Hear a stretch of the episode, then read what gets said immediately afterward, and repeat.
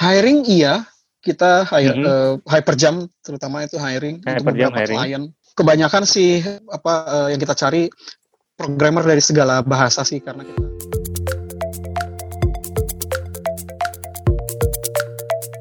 Selamat datang kembali di Ceritanya Developer Podcast bersama saya Riza dan di podcast ini kita akan mendengarkan cerita dari developer, programmer, software engineer keren tentang masa lalu, masa kini, dan masa depan mereka, tentang bagaimana mereka memulai karir sebagai developer.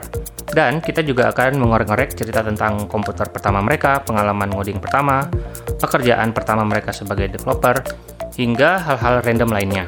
Podcast ini diedit dan diproduksi oleh Deep Tech Foundation, sebuah lembaga non-profit yang mempunyai misi, yaitu menyetarakan talenta digital di seluruh Indonesia. Dan sekarang kita sudah bersama Mas Ferdinand Neman, uh, Development Manager dari Hyperjam Technology. Halo Mas Ferdinand. Halo, halo semuanya. Nah, um, kita masuk ke cerita developer. Jadi uh, di sini boleh diceritain nggak tentang pengalaman Mas Ferdinand pertama kali uh, bertemu dengan komputer? Pertama kali bertemu komputer ya. Iya. Saya ingat dulu pertama kali saya punya sebenarnya sih bukan komputer yang kita biasa lihat zaman sekarang ya, ada monitor, ada CPU, hmm. ada keyboard. Itu saya dulu pernah pegang uh, seperti kalkulator, tapi dia bukan kalkulator. Dia udah jenisnya apa, mini PC gitu, bukan mini mini komputer ya, tapi betul-betul kayak kalkulator. Hmm. Produksinya Casio. Di dalamnya ada hmm. basicnya, ada bahasa pemrograman basic. Hmm, iya itu device kecil, kayak entah itu bisa dibilang komputer apa enggak ya, tapi saya bilang itu komputer. Kenapa? Karena itu bisa bisa kita bisa isi bisa program, kita bisa execute betul. Kemudian ya. tujuannya bisa macam-macam, tergantung hmm. programnya. Ada untuk bisa bikin aplikasi kasir atau bisa bikin uh, aplikasi sederhana untuk keperluan apa uh, pencatatan dokumen atau apa kasir lah atau apa pun kita bisa bikin. Malah ada beberapa game di dalamnya. Nah itu saya hmm. punya kakak sih sebenarnya. Tapi ngeliat kakak main itu kayaknya asik banget. Okay. Bisa bisa di coding coding. Nah itu pertama sekali saya pegang hmm. komputer mungkin itu mungkin tahun 80-an sempat nyobain ngoding juga di situ pakai basic gitu. Betul, itu pertama kali juga oh. saya bertemu dengan bahasa pemrograman bahasa basic. pemrograman. Iya. Itu belajarnya dari mana? Jadi uh, di di FX-nya itu di kalkulatornya itu ternyata ada ada manualnya, ada bukunya. Oh, buku manualnya ada itu manual memperkenalkan bukunya. basic programming. Nah, itu masih basic cassette mereka sebutnya kan. Basic cassette itu uh -huh Ya, saya coba program itu ada buku manual yang saya belajar dari clear screen, kemudian print, input, hmm. nah, terus ada Fornex. Di situ pertama kali berkenalan to, dengan eh. flow. Ah, betul sekali. Go to break. Wah, masih masih sederhana banget lah itu. Ini zaman itu sih basic masih udah wonder ya. banget ya. Oke, okay. jadi pertama kali kenal komputer ya bisa dibilang komputer, terus uh, bahasa pemrograman pertama juga di tahun 80-an itu ya berarti ya? Iya, betul. Hmm. Uh, basic ya. Kemudian sih ya, abis itu eh, nggak uh, tahu setahun dua tahun kemudian kakak saya dapat lagi dia apa uh, PC XT waktu, waktu itu sih masih berapa uh, 2,3 megahertz gitu belum ada gigahertz masih 2,3 megahertz gitu nah, hmm. nah itu yang pakai disket apa 15 yeah. 15 setengah inci nah itu eh, 5 lima setengah yeah. inci disket. Lima seperempat, lima seperempat. Lima seperempat ya, lima seperempat. Nah itu, lima nah, itu belajar hmm. main lagi di situ kenal komputer lebih jauh di situ sih. Terus itu uh, zaman SDK, SMP atau SMA? Itu sebelum SD saya malah. SD. Sebelum SD malah ya? Sebelum SD. Sebelum SD hmm. kelas 1 saya itu main-main apa uh, Casio itu. SD, SMP, terus SMA uh, eh, ada lanjut nggak itu apa eh, hal-hal yang berhubungan dengan programming atau berhenti terus uh, lanjut lagi oh, kuliah? Enggak, enggak. Jadi uh, sejak kecil itu pertama kali setelah saya terima apa uh, main-main dengan dengan Casio itu. Casio itu. Seperti saya saya bilang mm-hmm. ya setahun dua tahun kemudian ada PC XT. Nah, di situ yeah. main gamenya makin makin menggila main game itu kalau inget zaman dulu itu ada hmm. Frog, ada Digger, ada yeah, yeah, ya terus yeah, beberapa game-game apa hmm. uh, eh, GW basic Nah, terus coding basicnya sudah mulai makin instan intens lah di di di PC itu. Uh, kemudian Oh, itu itu zaman kapan SMP, SMA? Enggak, itu SD. kurang lebih SD kelas Eh. 1, kelas 2, kelas 3-an lah. SD juga ya? Oke, oke. SD. Hmm. Kemudian Oh, nah wow. itu mulai ada perubahan besar itu SD ketika mulai Coding ya? basic tapi belajar kan apa ya simple banget lah basic kan eh, ya, clear screen lah gitu-gitu. Kemudian ya Ya. ada ada saya juga sempat dapat koleksi game basic. Nah, semua dulu kan gamenya kalau nggak yang apa kayak eh, game Accolade gitu yang yang yang keren-keren, itu saya dapat eh, koleksi ada 100 game tapi semua harus dalam bahasa basic. Nah, itu baru kita harus jalanin programnya satu-satu, baru main, jalanin program satu. Nah, situ mau nggak mau kita ngeliat code kan. Nah, jadi penasaran tuh ini gimana sih kalau apa, main game seperti ini codingannya Diubah-ubah gitu ya? Betul, warnanya dirubah-rubah sedikit. Nah, Hmm. itu kemudian Ya. nah banyak saya banyak belajar bahasa baru itu begitu masuk SMP itu saya belajar C pertama kali Hmm. SMP saya belajar C kemudian eh, nggak selama setelah itu saya dikenalin sama Pascal sama Turbo Pascal. Nah, Pascal. Turbo Pascal itu saya tekuni sampai masuk kuliah lah kurang lebih masuk kuliah belajar Hmm. Turbo Pascal. Kemudian eh, saya ikut sama kakak ah, belajar bahasa apa mereka sebut 4GL pakai eh, Gupta. Eh, SQL Windows yang mereka sebutnya SQL Windows Gupta nah itu bahasa pemrograman aneh lah Mhm. paradigm baru. Itu programming di Windows. Eh, kemudian setelah itu eh, baru bahasa Java. Nah, pertama kali Java versi 1.2 dulu. Hmm. gitu. Itu baru mulai masuk dunia profesional tuh dengan bahasa Java itu.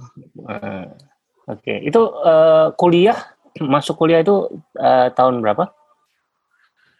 kuliah saya tahun 95. 95 95 betul 95. Lulus berarti kurang lebih Tahun 2000. 4 tahun 99 2000 ya. ya dua- 99 2000 2000 saya lulusnya sih 99 Hmm. nya ngambil skripsinya Oh, oke, 2000 lulus terus bekerja sebagai eh, developer. bekerja Jadi sebagai jadi developer. sih bukan developer ya Hmm. IT IT staff lah di IT. Programs for Wealth Oke. Nah, Programs for Wealth International itu perusahaan Inggris bergerak di bidang investasi Mhm. mereka perlu IT staff Mhm. jadi ya saya mungkin IT staff Mhm. pertama di situ ya gitu bikin website buat mereka pakai static HTML Oh. JavaScript Hmm. belum ada server side scriptingnya nggak banyak lah jadi masih statik-statik aja Yeah. dulu bikin website buat mereka Pertama kali. Oke, eh, Hmm. boleh mungkin diceritain kayak highlight-highlightnya sampai eh, saat ini sampai di Hyperjam.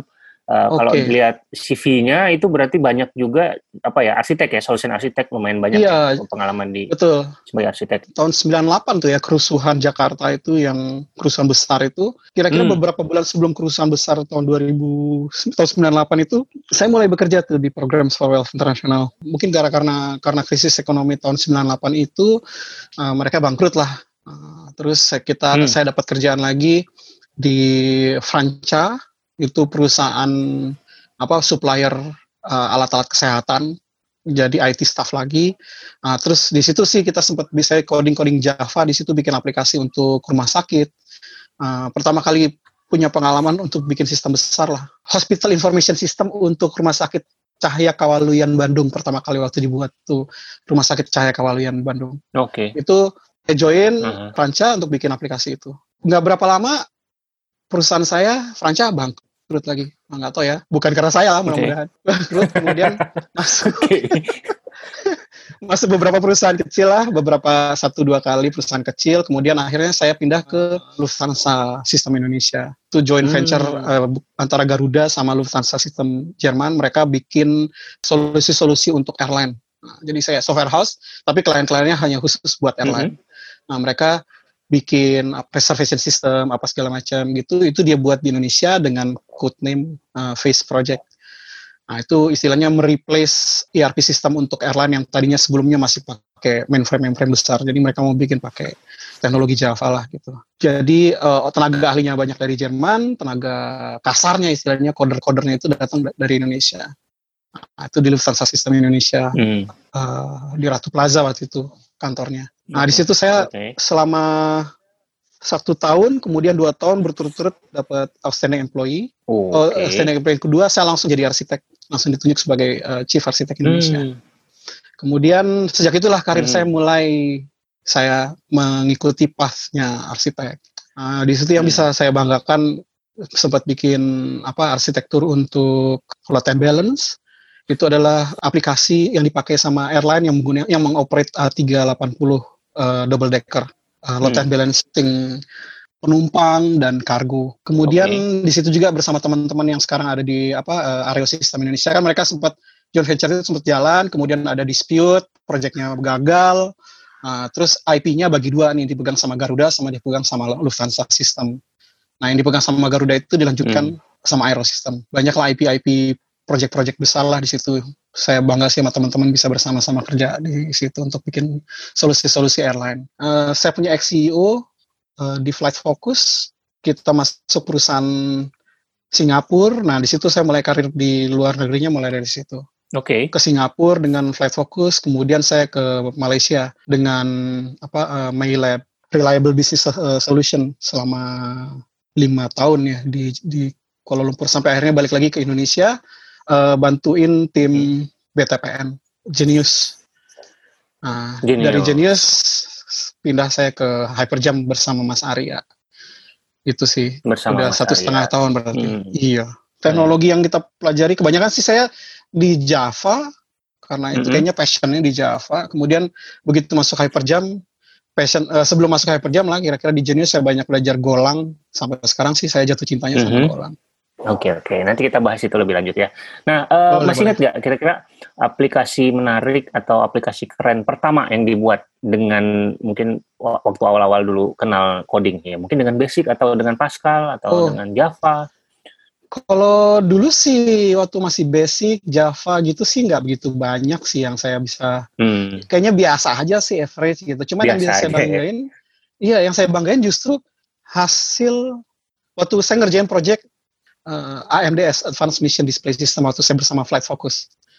Nah di situ saya uh, okay. kerja bareng dalam sebuah tim untuk bikin aplikasi yang jalan di kokpit pesawat Airbus Oh, wow. Uh, 320 ya kalau saya nggak salah untuk keperluan Air Asia X.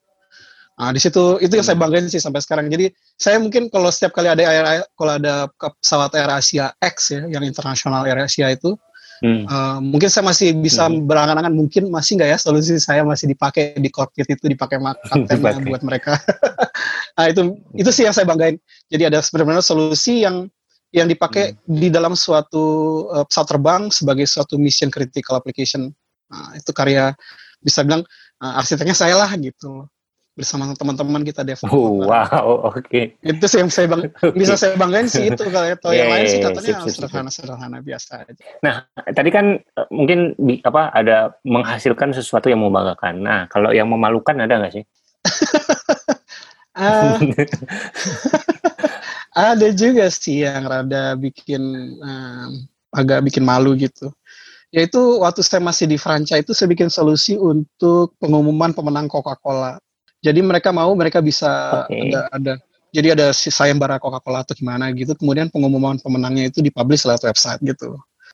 Saya bikin solusi itu uh, jadi istilahnya pemenang itu bisa search dia punya nama, uh, apakah dia menang di dalam sayembara Coca-Cola itu. Jadi kelihatan kamu menang apa enggak. Ada semacam simple lah, tabel itu bisa dengan pagination begitu. Dia bisa usernya bisa lihat nama saya ada nggak di dalam daftar itu. Ternyata da, saya juga eh, saya bisa bikin alasan banyak lah. Pokoknya uh, entah datanya yang kita terima juga telat dari Coca-Colanya supaya datanya telat mau online cepat dan lain sebagainya. Akhirnya uh, semuanya saya bikin statik aja gitu. Jadi nggak ada nggak ada server programming semuanya buat statik.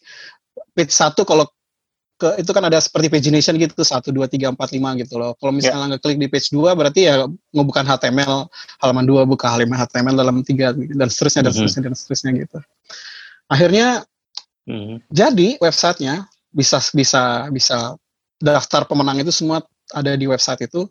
Tapi ya begitu tidak ada searching, tidak ada klik tabelnya kelihatan detail pemenangnya, hmm. siapa namanya, tinggal di mana segala macam atau gimana. Hmm. Nah itu nggak bisa begitu dan ya itu saya sempat dibully sih sama klien di situ. Apalagi kliennya klien gede dan bos saya juga bilang Ya, kamu tahu nggak ini kan ini Coca-Cola Amatil ini proyek kalian kita yang paling besar. Kamu kok kayak gini bikin solusi? tapi tapi kan bisa, Pak. Eh, pemenangnya juga bisa lihat kan, bisa jalan. Ya alasan lah, tapi ya malu juga saya sih waktu itu. Oke, oke. Nah, di awal-awal karir sebagai engineer atau software developer, punya mentor nggak sih dulu? Uh, mentor saya yang paling utama itu kakak saya sendiri, Julius Neman. Karena dia dia kan sering banget ya namanya juga sama geek kayak saya dia masuk kuliah ambil kuliah hmm. komputer toh semua hmm. semua yang saya pakai laptop komputer mungkin dulu Casio itu sebenarnya ayah saya beli buat dia cuma dia pinjemin ke saya terus diajarin hmm. saya oke okay. uh, jadi dia yang influensial banget sih untuk interest saya di dunia IT itu memang dia sih saya itu figuran figur saya yeah, sih kalau yeah. saya bilang Nah, selain selain sosok mentor yang apa kakak sendiri yang cukup diidolakan, punya uh, engineer idola nggak? Uh, mungkin Joel Spolsky kali ya. Kalau misalnya Joel idola. Spolsky, hmm, iya. idola. Itu kenapa? Apa apa yang membuat uh, dia menjadi idola? Hebat banget lah pokoknya dia tuh. Oke, okay. nggak ada sesuatu apa sifatnya lah atau apanya yang buat dia outstanding dibandingkan sosok-sosok uh, yang lain gitu? Saya sih bukan gimana ya kalau misalnya saya, saya sih nggak ngikutin dia secara personal figurnya dia sebagai apa cuman hmm. yang benar-benar ya. bisa kita lihat kan dari rekam jejak dan karya-karyanya dia yang wow ya. banget gitu loh hmm. bantu hmm. bantu kita hmm. sebagai developer developer mana coba yang nggak tahu Stack Overflow kan nggak ada gitu loh lu nggak tahu apa-apa dikit cari tentang hal itu yang keluar pasti karya dia tuh si Stack Overflow jadi dan dia juga apa kalau kita carinya di Google ya Nah iya, carinya di Google yang jawab Stack Overflow. Nah, yang jawab Stack Overflow. Apa coba yang dia nggak bisa jawab gitu kan kan wah banget itu memang briliannya minta hmm. ampun. Hmm. Jadi ya keren lah kalau saya bilang hmm. mah uh, ya syukur-syukur gitu bisa bisa mungkin ya berkenalan atau mungkin syukur-syukur bisa berkenalan. Kayaknya si awang-awang ya kalau misalnya bisa coding bareng sama dia kata siapa kali gitu ya. Eh, siapa lo tadi lepeh kali lah siapa lo gitu. Oke, ya okay. itu sih kalau idola mah ya keren banget nah Om Jolo nih. Uh, idola ya. Hmm. Yeah. Kan apa ya? Uh, agak tahu ya kalau uh, Mas Ferdinand. Tapi kalau untuk sebagian besar dari kita juga uh, salah satu idola kita adalah Mas Arya kan. Dan sekarang oh, Mas iya. Ferdinand udah kerja sama kalau, sama uh, Mas Arya. Itu Mas gimana Arya. sih perasaannya? Dengan Mas Arya itu itu kalau kalau di lokal ya istilahnya jawara lokalnya hmm. memang Mas Arya. Jawara iya. Uh, kalau yang saya suka hmm. banget dari Mas Arya itu memang uh, dari sudut pandang bisnis, dari sudut pandang profesional, apa pun itu benar-benar dedikasi di dunia open source-nya itu all out lah. Dia juga karena beliau ya. juga karena memang beliau sebagai CTO di Hyperjam, jadi beliau men-shape Hyperjam itu sebagai apa uh, open source company. Memang tujuannya memang kalau dari visi misi perusahaan itu lainnya adalah open source. Nah, karena memang uh, open source, jadi semuanya hmm cara kerja kami, cara kualitas kami bekerja, tolak ukur tolak ukurnya itu udah open source standar. Sebisa hmm. mungkin Hyperjam itu kalau bisa nah sedikit-sedikit open source, sedikit-sedikit open source uh, untuk cara kerjanya, sedikit-sedikit open source style. Uh, untuk bikin hmm. apa uh, pull request apa segala macam open source style. Kalau bisa apa pun yang kita buat hmm. buat klien, kalau itu nggak ada secret sauce-nya klien, itu harus menjadi open source gitu. Hmm. Jadi uh, harus jadi open source. Oke, okay. ini menjadi uh, salah satu apa ya produsen open source ya, bukan hanya konsumen uh, gitu ya ceritanya. Betul. Ya, ini. Bayangin sih kalau bisa, kalau bisa kita tuh udah jadi kayak gimana ya, kayak hmm, kayak Red Hat lah gitu, yang memang hmm, solusinya Hat, ya. itu apa uh, open source semuanya open source gitu. Ya, tapi uh, nggak apa nggak meninggalkan sisi bisnis itu sendiri ya gitu ya. Betul. Jadi kan hmm. modelnya istilahnya uh, kalau misalnya kita sampai punya klien dan memang banyak kliennya, jadi sampai punya yeah. banyak klien, nah itu case-case-nya klien kan kemungkinan besar mereka itu dialami oleh ribuan, mungkin ratus nggak sampai ribuan lah, ekstrim, puluhan perusahaan-perusahaan lain di seluruh dunia gitu loh. Kalau solusinya mungkin dibuat open source juga akan banyak bantu dunia IT kan, gitu. Nah selama selama hmm. apa pun yang kita develop buat klien itu tidak ada uh, proprietary milik kliennya. Kalau misalnya ada proprietary atau secret sauce-nya milik perusahaan menit klien ya itu nggak akan di open tapi kalau misalnya itu hmm. bisa dipakai juga untuk perusahaan-perusahaan lain nah itu akan bagus sekali jadi uh, sebisa mungkin itu akan di open source kan gitu nah sekarang uh, di apa di Hyperjam kan uh, posisinya adalah sebagai develop development manager gitu kan agak sedikit beda yeah. dengan uh, role-role sebelumnya sebagai uh, arsitek kan. Iya. Pekerjaan sehari-hari sebagai uh, development manager ini apa sih sebenarnya? Uh, sebenarnya sih uh, saya ini cuma mengorganize sekumpulan developer sedikit untuk apa yang harus apa yang sebaiknya mereka develop pakai teknologi apa gitu. Yang diberikan dari atasan ke saya tuh ya lu organize ini sekumpulan okay. orang mereka ada mereka harus develop sesuatu hmm. baik untuk klien atau baik untuk perusahaan dalam bentuk produksi untuk uh, software-software open source begitu tapi nggak hanya seperti itu sih karena Hyperjam kan salah satu salah satu bisnisnya adalah uh, CTO service jadi ya saya sekarang itu dia jadi CTO di perusahaan-perusahaan klien gitu. Jadi harus datang datang di perusahaan lain. Kalimantan, iya betul. Itu sih jadi uh, kadang-kadang kalau mereka perlu solusi ya saya yang yang minta bikinin ke tim saya ke development itu untuk bikinin solusi-solusi untuk mereka. Itu sih. Jadi kebanyakan hmm. sekarang apa yang saya kerjain ya itu kebanyakan ya jadi jadi CTO sewaan di di jadi beberapa klien. Sewaan. Oke, okay. mungkin tadi udah sempat dibahas kan apa tentang bahasa pemrograman yang saat ini sedang digandrungi. Diper, uh, dijelaskan lebih lanjut ya. Tadi kan sempat kesebut Golang kan. Kenapa iya, Golang? Betul. Gitu? Yang tadinya Java. iya. Terus uh, mungkin kalau Java biasanya yang paling yang paling natural itu pindahnya ke Kotlin kan, gitu kan. Ini malah iya, pindahnya betul. ke Golang. Kenapa tuh? ah itu dia. Uh, sebenarnya saya saya kan udah udah lama banget nih berkecimpung di di Java mungkin udah ada hmm. uh, 12 tahun di Java. Uh, saya juga ngerasa okay. nih uh, ini Java kok dulu kan awalnya pertama Java lagi booming boomingnya kan memang istilahnya kita developer Java ini orang-orang yang langka yang yang nggak umum lah bukan kacangan hire-nya juga gajinya hmm. paling gede lah dulu sekarang sih saya ngeliat katanya gitu ya. uh, programming Java makin lama makin kecil, makin kecil. Orangnya juga mungkin sudah terlalu udah banyak banget. Uh, saya juga mulai ngerasanya, mulai ngerasa saya harus keluar nih dari zona zaman saya di Java nih. Kalau enggak, saya akan tergilas oleh uh, uh, perkembangan teknologi gitu, perkembangan bahasa programming dan lain sebagainya. Uh, terus sempat cari-cari tuh hmm. bahasa apa yang kira-kira saya mau saya mau tekuni gitu. Uh, tekuni gitu ya. Ya pilihan hmm, pilihannya saya ngambil Golang karena ternyata Golang itu sebenarnya simpel bahasa yang simpel banget, tapi tidak sekompleksi gitu. Kalau mau ngambil bahasa sih kayaknya susah banget, itu yang namanya pointer kok rewel banget gitu. Ternyata ada bahasa program yang uh, sepowerful bisa dibilang lah kalau ya ini debatable sih sepowerful hmm. sih tapi bahasanya tidak iya. sekompleksi yeah. malah lebih sederhana banget. Nah, kemudian itu uh, hmm. yang saya suka banget itu kan dari Java itu kan yang reflectionnya tuh Nah, bisa nggak bahasa seperti Golang itu bisa bisa ada fitur reflection di dalamnya kayak gitu. Ternyata justru ada package yang memang dedicated buat Golang namanya Reflect. Nah, itu nah itu yang bikin saya makin wah ini saya harus nih saya pelajari. Oh. Alhamdulillah sih di situ saya mempelajari okay, okay. mempelajari Golang, saya tekuni Uh, belajar dari itu apa um, Tour hmm. for Go kemudian dari Tour for Go itu dengan pengetahuan program dengan apa arsenal programming yang saya punya uh, absorptionnya cepat banget lah. Bisa belajar gue mungkin dalam waktu sebulan okay. dua bulan udah bisa. Um, langsung bikin bikin project uh, di jenis saya waktu di jenis itu belajar Golang. Langsung aja implementasi hmm. ke salah satu microservice di jenis saya bikin pakai Golang. Di Hyperjam uh, karena kita dapat tugas harus bikin project open source masing-masing harus bikin project open source. Setiap anak buah saya juga developer satu orang harus punya project open source.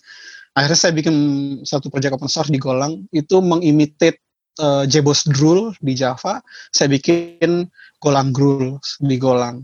Alhamdulillah hmm. sih kelihatannya sudah mulai populer lah dan kita juga saya juga sudah mulai waktu saya banyak tersedot ke project itu. Sudah mulai ada ini ya apa uh, udah ada mulai traction ya, tractionnya udah dapat ya? Iya, tractionnya ada. Ini uh, daily daily clone-nya itu udah ya nyomong nih gue nya Uh, daily clone-nya unicorn-nya oh, iya, 100 clone per hari. Iya. Oh, wow. 100 clone per hari. Iya, Uniqlone oh, wow. ya. jadi Uniqlone. Saya nice. juga wah, hebat. Jadi sudah mulai populer hmm. lah. Nah, uh, punya hobi nggak sih di luar programming dan komputer? Oh, pastinya punya. Nge oh, di luar Apa komputer itu? ya?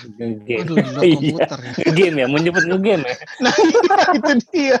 Kita geek banget kan. Uh, boleh lah ya. game, game. Uh, okay. Game game uh, apa iya. yang lagi yang lagi dimainin sekarang game apa? Uh, saya sih uh, game kalau PC-nya masih nggak jauh-jauh Dota ya. Dota. Dota, oke. Okay. Nah, kalau kalau PS4-nya sih sekarang lagi main itu tuh apa Far Cry 5. Kalau hobi outdoornya sih saya suka olahraga tuh ya berenang.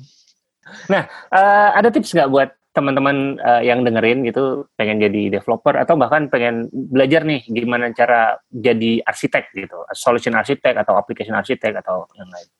Programming itu menurut saya kan apa easy to learn tapi Hard very to difficult to master. Yeah. Jadi uh, saya saran sih belajar bahasa program yang yang kamu suka, yang passion, yang passionate di bahasa programming itu mungkin bisa bareng sama teman-teman untuk bisa gaining traction di programming belajar bareng hmm. bahasa programming banyak sekarang kan yang umum-umum apa JavaScript lah atau mungkin yang lebih kalau mau lebih seksi-seksi ya seperti Rust gitu itu dipelajari uh, Rust ya. case-nya banyak seperti dari dulu yang kita dengar ya banyak latihan banyak banyak bikin project nah ini yang bagus nih mumpung saya kerja di Hyperjump project ya Jang, iya banyakin hmm. bikin project open source uh, open source itu hmm. blessing sih di dunia ini. Jadi uh, tinggal buka ke GitHub, kita lagi suka apa programming Rust, udah search aja Rust. Itu project banyak banget. Bisa dilihat dari yang simple, tenang aja di open source itu orang yang baru belajar juga ada, orang yang sudah berpuluhan tahun di programming itu juga ada. Dari yang simple sampai yang kompleks banget juga ada. Jadi tinggal aja ke, misalnya, ah saya pengen belajar Rust nih. Udah pelajari basicnya Rust, flow flow flow controlnya seperti apa, uh, bikin proyek sederhana dari Hello Rust-nya dulu apa yang simple-simple uh, apa kemudian mumpung ada open source buka GitHub atau uh, apalah kemudian keluar tuh semua proyek-proyeknya kalau misalnya pengen belajar Rust kemudian nggak hanya sampai di situ contribute hmm, kalau contribute kita tuh istilahnya hmm. dapat mentoring gratis buka aja okay. source code-nya kelihatan ada kalimat yang salah spelling atau apalah hmm. contribute aja kalau misalnya ternyata ini softwarenya bagus, eh tapi nggak ada bahasa Jawanya ya, bikin bahasa Jawa versi apa uh, documentationnya, contribute. Karena mau nggak mau kan pasti dengan banyak berkecimpung di situ, kita kan hmm. baca bahasa Inggrisnya, terjemah ke bahasa Jawa. Waktu kita baca bahasa Inggrisnya pasti belajar sesuatu yeah. kan gitu. Jadi selain itu menimbulkan mentality iya, kita untuk bisa berkontribusi ke dunia IT, ke dunia open source. Di saat yang sama kita juga belajar. Syukur-syukur kalau jadi main contributor kan dapat insentif dari open dunia open source. Syukur-syukur malah kita dipanggil sama perusahaan hmm. yang pakai software open source kamu. Apa uh, misalnya uh, berkontribusi di suatu database yang sederhana gitu. Kemudian banyak yang pakai. Uh, ini developernya siapa nih? Wah, Mas Mas Riza nih. Wah, Nah, kan seperti ceritanya Mas Arya, Mas Arya juga begitu gitu loh, karir pasnya kan dari dunia yeah, yeah, seperti yeah. itu kurang lebih. Mm -hmm. Gitu. Saya sih udah udah umur segini jadi nyesel kenapa saya nggak dari dulu ya coba kontribut open source memang kenapa nggak dari susah, dulu ya. belajar. Uh -uh. ini karena ada dunia open source ini blessing okay. banget. Jadi untuk programmer-programmer ayolah kita majukan open source sekalian untuk meningkatkan skill programming. Nah, sekarang kita uh, prediksi kira-kira teknologi mendatang nih yang akan booming apa sih? Yang akan booming saya sih paling cuma ngelihat ngelihat ke mana Octofest-nya GitHub ya. Uh, JavaScript nggak akan ke mana-mana, dia akan tetap bertengger di atas sana. Jadi kalau misalnya mau belajar JavaScript, pasti demand mm -hmm. juga akan terus banyak. Kalau Java sendiri sih, uh, demand akan tetap banyak karena memang sudah terlalu banyak project-project open source Java yang sudah ada. Jadi pasti akan orang banyak juga orang yang pakai yeah. dan Java akan juga -hmm. tetap di sana. Kalau yang benar-benar yang baru-baru mungkin um, uh, Rust ya Rust itu gaining traction cepat banget sama Rust mm -hmm. Golang yang seksi-seksi lah bahasanya atau mm. uh, yang growth-nya sampai 500% uh, dari 2018 ke 2019 tuh apa Flutter kalau pengen belajar uh, mobile programming Flutter. sebagai saingannya React Native kan. Mm. Pilihan kembali ke teman-teman. Kalau saya sih oke. Okay. Uh, setelah 20 tahun pengalaman programming uh, dan sebagai arsitek juga uh, saya sih rasa bahasa program apa aja cocok tergantung untuk solusinya apa. kadang kadang-kadang juga belajar belajar scripting best scripting juga kadang-kadang bisa serve the need gitu. Yang penting jangan bunuh ayam pakai bom gitu aja. Kalau bunuh hmm. ayam mau hmm. pakai pakai pisau. Jadi ya bahasa programming apa pun itu kalau okay. ditekuni dan jadi hebat kan pasti akan akan akan berfa berfaedah lah. Iya, iya, iya. Ya. Hmm, sip sip. Nah sekarang uh, suka baca buku nggak sih? Sebenarnya saya kurang suka ya baca buku. Malah saya kurang, suka baca ya? bukunya hmm. uh, baca buku yang nggak ada hubungan sama komputer saya. Kalau yang ada hubungan sama komputer okay. pasti bacanya bukan di, di bukan di buku, bacanya di komputer. saya terlalu ya saya telat kali ya belajar. Saya agak malu nih teman-teman kalau saya ngomong buku apa yang sedang saya baca mungkin saya diketawain kali. Uh, bacaan wajib seperti manajer spas gitu.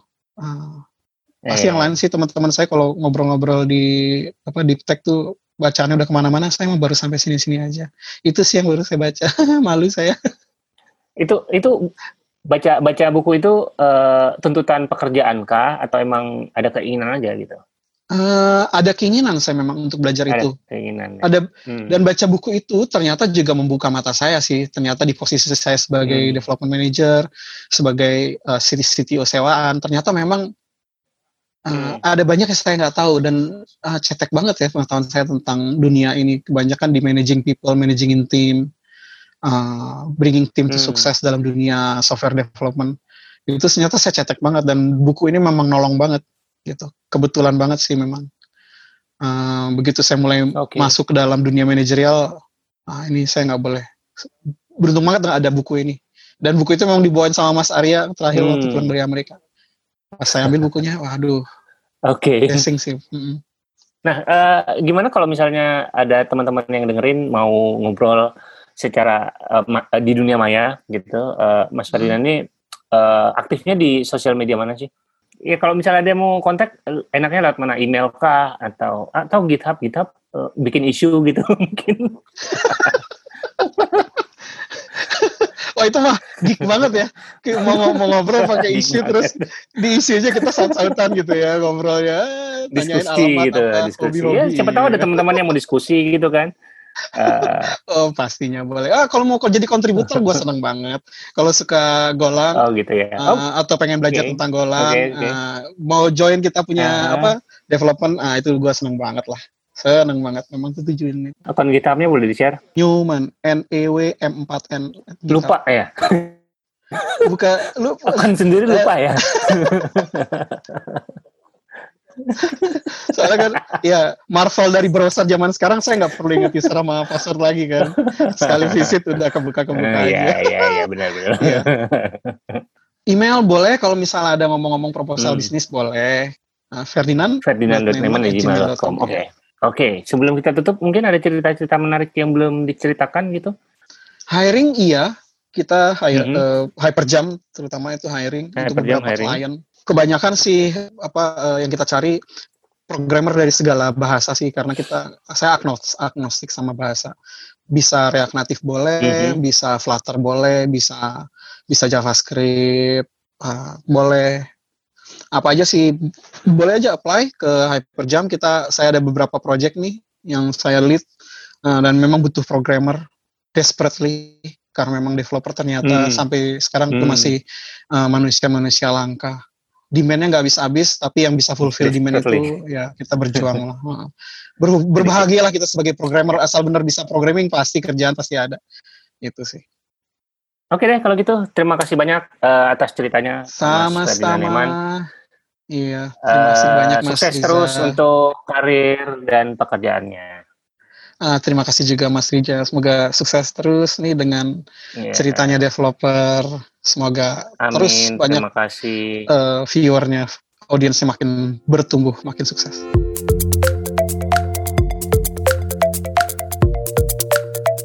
Nah, itu dia episode ceritanya developer podcast kali ini. Nantikan episode-episode ceritanya developer podcast selanjutnya. Kritik, saran, atau sekedar hai, silakan email ke rizafahmi at gmail.com atau mention at rizafahmi22 di Twitter.